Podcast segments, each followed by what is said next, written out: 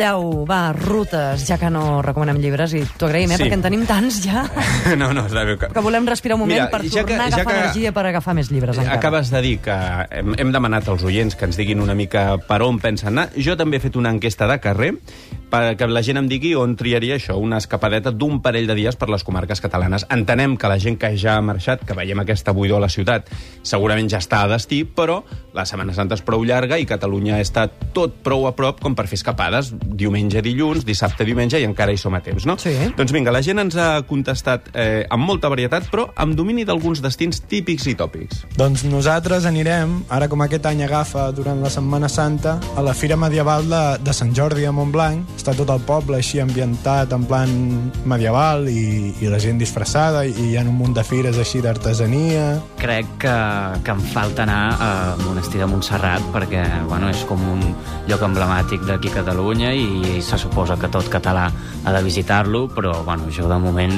no hi he estat i realment m'agradaria anar-hi. A veure, jo aquest any m'agradaria molt veure la dansa de la mort. Coneixo molt poquet d'aquesta història, però el que he vist m'ha semblat molt interessant. M'agradaria anar a la Mola, que la tinc molt a prop de casa i m'agradaria fer una excursió amb els meus amics, amb la, amb la bicicleta i fer algun càmping per allà. Doncs jo aprofitaria per anar a la Fageda d'en Jordà perquè hi vaig anar-hi allà quan era petita i em va agradar molt i pots aprofitar per donar una volta pel bosc i després veure els volcans i anar a Santa Pau o qualsevol d'aquells pobles de la Garrotxa i passar-t'hi el dia i s'està molt bé.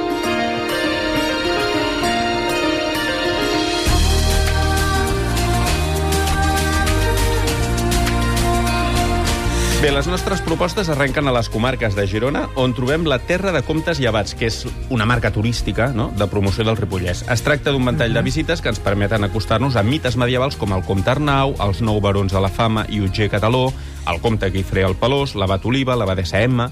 Aquesta ruta passa pel santuari de Montgrony i el castell de Mataplana, Gombrèn, i pels monestirs de Santa Maria de Ripoll i Sant Joan de les Abadesses.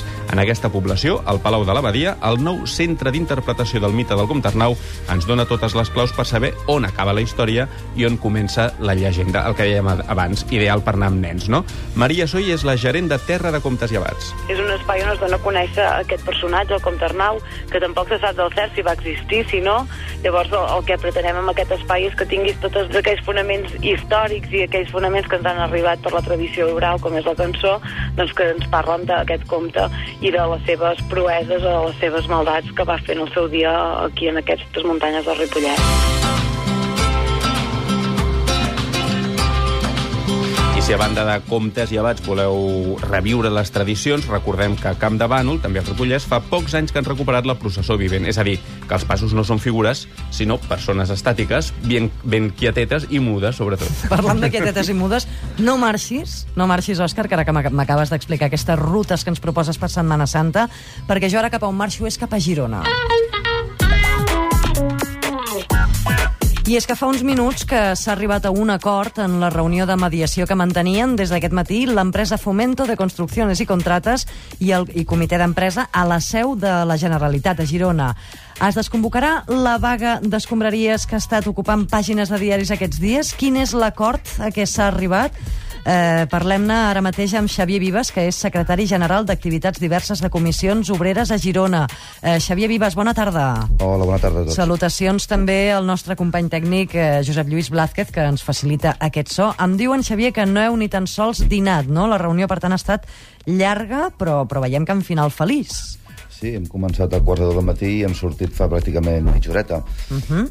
Quin Però és sí. l'acord a què heu arribat, doncs, finalment? Bé, en principi, l'acord al que hem arribat, que estan els companys fent l'assemblea doncs, per poder-ho ratificar, és el que veníem demanant des d'un principi, no? que el compromís polític que l'Ajuntament des d'un inici havia, havia comentat doncs ho ratifiqués l'empresa i els companys tinguessin la seguretat que l'any que ve s'acabarien les discriminacions de condicions de treball entre els treballadors i els altres. Expliquem d'on baixa tot plegat. El dia 11 d'abril, ara fa 10 dies, per tant, va arrencar una protesta laboral a Girona que, que vaja, que tot just ara eh, sembla que s'acaba. Tot va començar quan Comissions Obreres va denunciar que els 27 treballadors de Fomento de Construcciones i Contrates que s'encarreguen de recollir el paper, el plàstic i el vidre cobren 100 euros menys que els seus companys de Mosersa, que és l'empresa que s'encarrega de la recollida de rebuig i brossa orgànica. La situació era aquesta, oi? Sí, correcte. I a més, una cosa que molta gent no tenia en compte, que la mateixa Musersa, de fet, és Fomento de Construcciones també, Ah, que és el, el Per tant, és la mateixa soci. empresa que paga dos sous diferents als treballadors en funció de, de la feina que facin. Ah, exacte, amb els mateixos vehicles, pintats de la mateixa manera, l'únic que uns duien un logo i els altres un altre. Uh -huh. Tindreu, per tant, l'equiparació salarial pels treballadors que, que s'encarreguen de recollir el paper, el plàstic i el vidre? Sí, per fi, després de tants de dies d'intentar explicar i fer pedagogia, perquè molta gent no en tenia, si teniu el compromís, per què esteu de vaga, no? Doncs per fi l'empresa ho ha ratificat i sembla que sí que a partir de l'1 de gener del 2012 doncs deixaran d'haver-hi aquestes discriminacions. A partir de l'1 de gener de 2012 eh, es caminarà doncs, cap a aquesta equiparació salarial, però la neteja de la brossa que hi ha acumulada hores d'ara quan comença? Bé, en principi, doncs, un cop els companys doncs, donin el vistiplau doncs, a aquest principi d'acord, doncs sortiran a treballar. Nosaltres ja hem ofert a l'empresa que si calia doncs, sortir a fer algun servei especial estaven disposats i en tot cas han dit que enviarien l'encarregat per dir que havia decidit l'empresa. Molt bé. Esteu contents, doncs, amb aquest acord? Satisfets? Sí, estem contents amb l'acord, cansats, perquè han sigut dies molt durs, molt tensos, perquè era difícil d'explicar a la gent doncs, si des de l'Ajuntament es deia que això estava garantit perquè estàvem en vaga.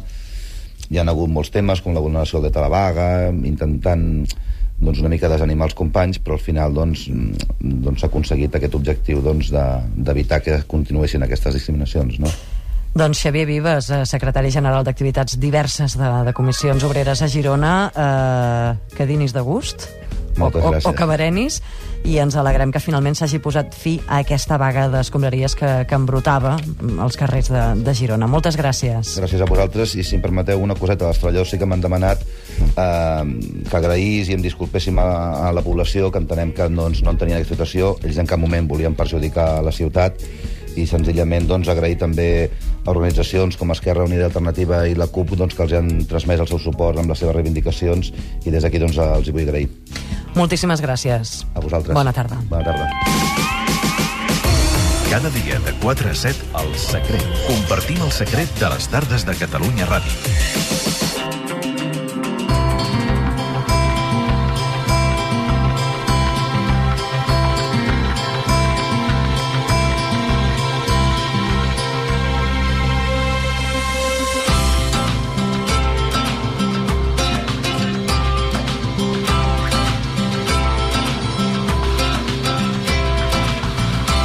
Ja has vist, Òscar, que la meva escapada de Setmana Santa a Girona aquest, potser no era tan lúdica com les que ens estaves No era proposant lúdica, tu. però calia fer-la. Exacte. Molt bé, vinga, doncs la segona... Ens havíem quedat del Ripollès. El Ripollès amb la terra de comptes i abats i ens faltava dir una adreça web on comprovar tots aquests eh, llocs que es poden visitar, que és elripollès.com. Ara anem a les Terres de Ponent. A la comarca de la Sagarra, en concret, podem resseguir la ruta dels castells. En aquestes contrades hi ha desenes de petits pobles alçats sobre turons que provenen de les antigues viles closes de l'època de la Reconquesta, presidides per castells, per esglésies fortificades o per torres de guaita dels segles X i XI. Unes terres que vivien entre dues cultures, com explica Xavier Casòliva, que és el president del Consell Comarcal de la Sagarra. Aquests segles va conviure aquí amb aquesta frontera doncs, la cultura de la mitja lluna i la cultura de, de la creu, i això doncs, ha deixat molta petjada, i el lloc per entendre-ho millor és el castell de Concabella, en el qual, doncs, a través d'un audiovisual, pots entendre com se vivia en aquella època, des de com se vestia, des de com se menjava i des de què es pensava. El Xavier ha esmentat un castell on començar aquesta ruta, però hi ha desenes de fortaleses a la Sagarra. Florejacs, les Pallargues, Montcortès, l'Aranyó, Castellmaià, Ratera, Vicfred, la Corullada o torres de defensa com Iborra, Lloberola, Vallferosa, i encara ens en deixem unes quantes. Els castells de la Sagarra es poden visitar per lliure, alguns no es poden visitar, els has d'anar a veure per fora i fer la foto, lluny, o sí. amb visites guiades, i la Segons informació... a, a quina persona mandrosa li diguessis, diu, des d'aquí baix i el veig molt bé. No, alguns són, són, formen part del paisatge i en veure'ls... Perquè alguns estem parlant que estan amb runes, no? Però per veure una miqueta la silueta aquella tan No, característica, però doncs... jo entenc l'Anna, eh? perquè la mandra que van als castells és que sempre estan... has de pujar, eh? Per no veure. Construïssin allà dalt per alguna cosa, també, eh? Doncs vinga, més informació a turismesagarra.com.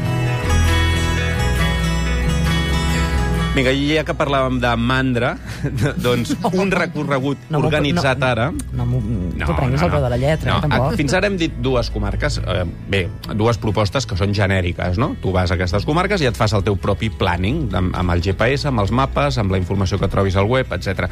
Ara proposarem un recorregut organitzat per no dependre d'això, dels mapes i de l'organització prèvia, no?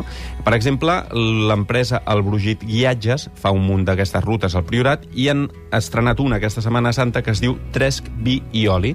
És una escapada de 3 dies a peu per la comarca per descobrir a fons els camins pels camps de vinyes i oliveres que ha recuperat fa poc el Consell Comarcal. Ens ho explica la Meritxell Omella, que és de l'empresa El Brugit. per una banda no vol haver de buscar tota la cartografia, les descripcions de com anar per aquí, no vol perdre's, vol anar amb una seguretat, i per altra banda vol que li expliquin alguna més, quin secret hi ha darrere d'aquella roca, d'aquella construcció que no entenen, quin ús té aquella planta que ara se l'han trobat florida, quina llegenda hi ha al darrere d'aquella muntanya, és un compendi de tot això, no? Aquestes excursions de Setmana Santa es combinen amb tastos gastronòmics, el celler del Marroig i el Centre d'Interpretació Enològica del Castell del Vi de Falset, i coincidint amb la Diada de Sant Jordi aquesta Setmana Santa, també proposen una lectura de fragments de prosa i poesia sobre el Priorat. Allà mateix. Sí, in situ, Que- que maco. allà on toca, no? Mhm. L'allotjament és en cases rurals, però també es pot fer la ruta sense pernoctar. És a dir, pots apuntar-te i fer tres dies, o pots dir, no, no, mira, jo vinc diumenge, un Vinc dia una passada. mica, eh, si pot ser tas de vi en comptes de lectura de poesia, això cadascú, no? Sí, sí. Més informació, en aquest cas concret, al brugit.com i, evidentment, la informació del Consell Comarcal, no? Ahà. I un últim apunt és... Ara hem parlat més aviat del món medieval, no? Doncs hi ha una que ens transporta al món grecoromà, que són, és les instal·lacions del Museu Arqueològic de Catalunya Empúries. Han organitzat per aquesta setmana un seguit de visites comentades que ens expliquen com era la ciutat grega i la romana, amb els mosaics ja destapats després del període d'hivern. I diumenge, a més, ja n'hi ha una de teatralitzada per al públic familiar, que mostra l'Empúries del segle I abans de Crist a través d'un personatge de l'època que es diu Iulia Domitia. En aquest cas, s'ha de fer reserva, perquè és- és una visita teatralitzada, etc. No és el 972 775 976. Propostes molt diferents, És variadet, no? totes elles... Sí, exacte, per tots els gustos, diguem-ne, fins i tot per, totes, per tots els tipus de família, tant si Quina aneu... faries tu? La del vi, eh? La del tas de vi, eh? Ja que ho contestes tu, no cal que ho digui És que jo també. Va, doncs anem-hi, anem un dia d'aquests. Els oients, Marissa, Sí, s'hi també apuntarien estan- a aquesta, en principi.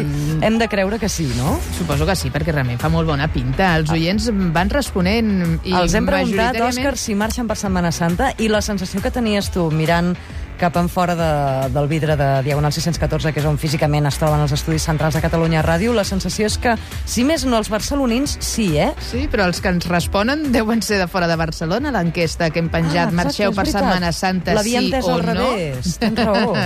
és que no. El 92% no marxen, només un 8% marxen, però ens fan també propostes. Sí. En Jaume de Barcelona diu sí, jo marxaré a Osona, visitaré el monestir de Sant Pere de Casserres, o en Pere de Reus diu marxem de casa rural al Solsonès amb tota la colla d'amics, serem 20. La Sílvia de Barcelona, a la platja, a la Costa Daurada, concretament al Vendrell. O sigui que es queden, es queden per aquí a prop els que marxen i els que ens escriuen al xat. Potser els que han marxat no, no poden Clar. participar a Ah, l'enquesta, clar. no? Som- som fora, I ja, no- Ben una vist, que no sigui això. no? Escolta'm, tu que ets tan, tan intel·ligent i tan despert... Ui, a qui li dius, hola? Ara hola? ara t'he fet por, eh? Hola? Sí, Tu saps- pànic aquesta pregunta que em faràs ara. Tu saps què és el community management?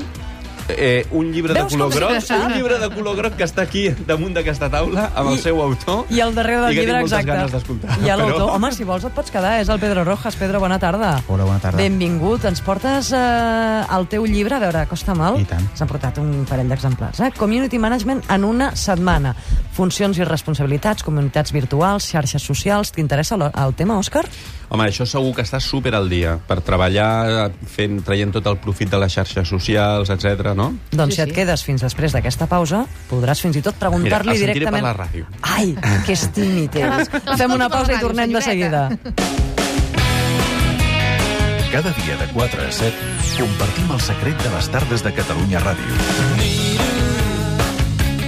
cada persona al meu davant amagat. El secret. Vols ser-ne còmplice?